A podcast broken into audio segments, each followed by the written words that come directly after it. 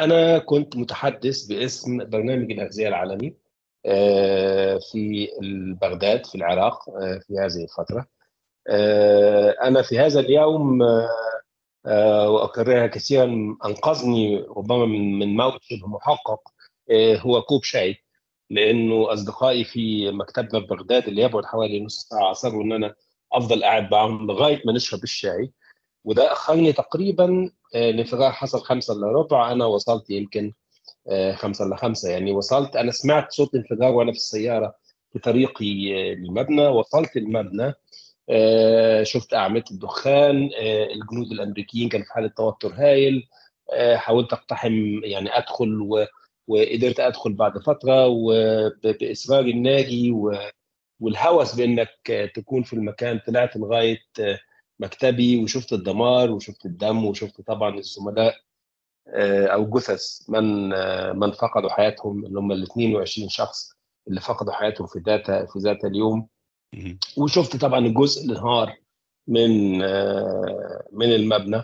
كان أحد فوائد إنه أنا واصدقاء آخرين كثيرين لأن معظم اللي ماتوا كانوا في زاوية معينة من المبنى التي ارتطمت بها سيارات المتفجرات اللي كان فيها مكتب سيرجيو بيريديميلو واللي هو كان المبعوث الشخصي للامين العام للامم المتحدة في العراق ومكاتبنا أو مكتب برنامج الاغذيه العالمي كان في الناحية الثانية فمعظم الإصابات بين زملائي كانت لم تصل إلى لم تصل إلى إلى الموت يعني إلا من كان منهم لسوء حظه في الناحية الأخرى من المبنى.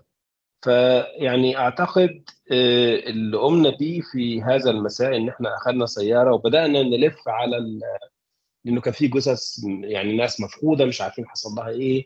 كان في جرحى اخذتهم سيارات إسعاف. ولفينا مستشفى مستشفى ومشرحة مشرحة الحقيقة علشان نتعرف على الزملاء اللي منهم كان بحالة تمكنه من الكلام. كان معانا هاتف ثريا بالاقمار الصناعية اتصلنا باسرته وهكذا يعني. وفي الأيام التالية طبعا بقول لك عدنا للعمل بشكل محموم.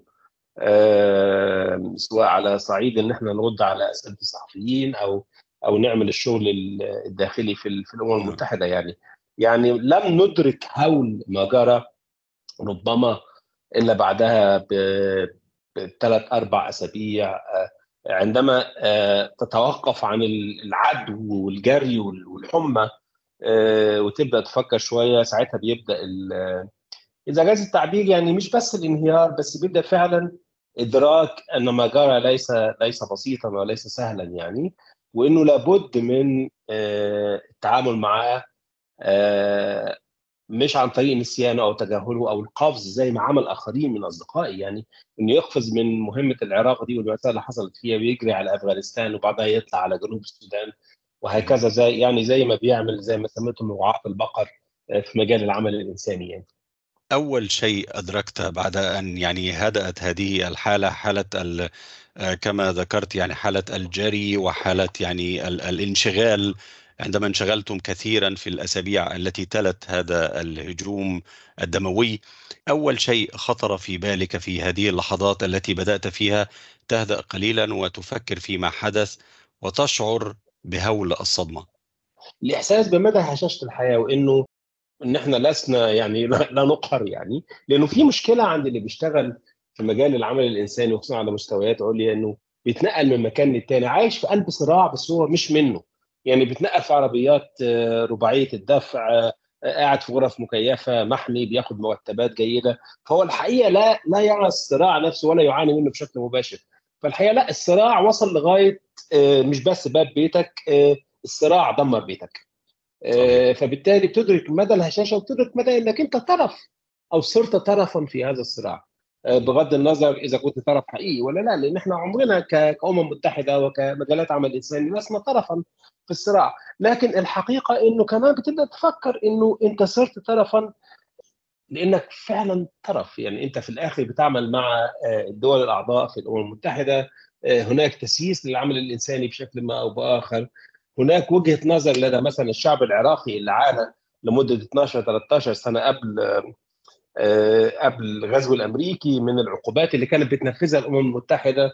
مجلس الأمن هو اللي بيدي قرارات بشأن بشأن ما يحدث يعني. وبالتالي الناس بقت بتبص كلها للأمم المتحدة وتحطها في سلة واحدة إنه مجلس الأمن أو برنامج الأغذية أو البرنامج الإنمائي كلكم يو ان وكلكم تحت سيطرة الغرب. ده طبعا مش حقيقي ومش صحيح. يعني أنا أزعم إن المسألة أكثر تعقيدا من هذا بكثير لكن أنت بتدرك مع الوقت إنه إنه أحيانا السرديات والادعاءات هي بقوة الحقيقة. يعني في الآخر ما تقدرش لا لابد عليك إنك تتعامل معها. فواحد إدراك هشاشه الحياة اثنين إدراك مدى تسييس العمل الإنساني أو على الأقل الادعاءات بشأن تسييسه وبالتالي مدى ضعف موقف العاملين. بس كمان إدراك إنك أنت ربما أخذت فرصة ثانية يعني بعد عدة شهور بقى من العلاج النفسي ومن التعامل مع المسألة إن في فرصة ثانية وإنك أنت لازم تتعلم منها وتحاول على الأقل الا تكرر بعض الأخطاء وإنك تكتشف فائدة البطء والتروي التفكير وإن ليس كل النجاح هو ترقي وصعود إلى آخره يعني. صحيح. طب كيف استطعت تجاوز هذه المرحلة واستكمال الحياة بشكل طبيعي؟ لأن يعني الصدمة كانت كبيرة وهائلة وهذه المراجعة ربما تسبب للبعض عملية التوقف تماما عن الحياة. آه لا شك طبعا إنه إنه تجارب صعبة وعنيفة ومؤلمة زي كده آه ممكن تاخد الناس لقرارات حدية وقرارات نهائية بشأن حياتهم.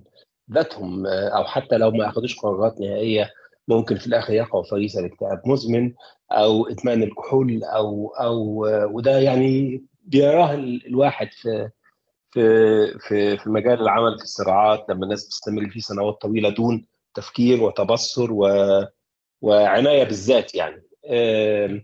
أعتقد كان مفيد جدا بالنسبة لي وجود شبكة طيبة من الأصدقاء والأهل وكمان الدعم المؤسسي يعني يعني كوني بعمل في الأمم المتحدة التي قررت في هذا الوقت إنها تدعم كل موظفيها الناجين وبالتالي كوني قادر إن أنا أرجع لمقر عمل الرئيسي وكان في نيويورك في هذا الوقت وأقضي 10 شهور بمرتب كامل أتلقى علاج نفسي وعلاج جسدي إلى آخره. ده كان يعني مهم للغاية يعني بقدر أهمية إن الواحد يتحمل مدى صعوبة إنه يمر بعلاج نفسي بدل ما يرجع الشغل ويجري ويواصل الحمى اللي اتكلمنا عليها. طبعا. مفيد جدا ومهم إن يكون في مؤسسة ويكون في شبكة حماية حواليك بتحميك عشان تمر تمر بالفترة دي. أنا أعتقد اللي بيقدر يمر في هذا المطهر إذا جاز التعبير يعني أو يعدي على هذا الصراط بيطلع مش شرط أقوى بس بيطلع أغنى. يعني أكثر تقديرا للضعف الإنساني أقل غرورا وادعاءاته بتقل أكثر نقدية أقل يقينا. ودي كلها حاجات مفيدة. وطبعا بيتحول شعوره الهائل بالغضب الغضب تجاه من أول الغضب تجاه الأمم المتحدة اللي اللي هي أقرت نفسها في في التقرير والتحقيق اللي عملته. وطلع بعدها بشهرين إن في مسؤولية يتحملها ضباط الأمن والنظام نظام تأمين الموظفين داخل المؤسسة. يعني فبدل من الغضب الشديد تجاه المؤسسة وتجاه العالم وتجاه المجموعة الإرهابية المجنونة اللي قررت تفجر نفسها. إنك يعني تشعر بالحزن تجاه الناس اللي فقدت حياتها بشكل عبثي تماما وبالحزن إنه في أوضاع سياسية واقتصادية بتدفع ناس من إن هم يبقوا بشر عاديين أو سويين إذا جاز التعبير إن هم يبقوا إرهابيين وانتحاريين معتقدين إن هم هكذا يحققون يعني ما يجب أن يتحقق يعني. أعتقد يعني بتتبدل المشاعر السلبية بشكل جيد. يعني من من الغضب والكراهية الشديدة إلى الحزن. طب الرغبة في محاولة معالجة ما يمكن معالجته على الأقل بداية من دوائرك الضيقة. الموظفين اللي بيشتغلوا معاك زمايلك أسرتك. لأنه في الآخر أنت بتلاقي الناس اللي ما. يعني اللي ما بتعالجش نفسها وتقف وتتروى وتتبين اللي حصل.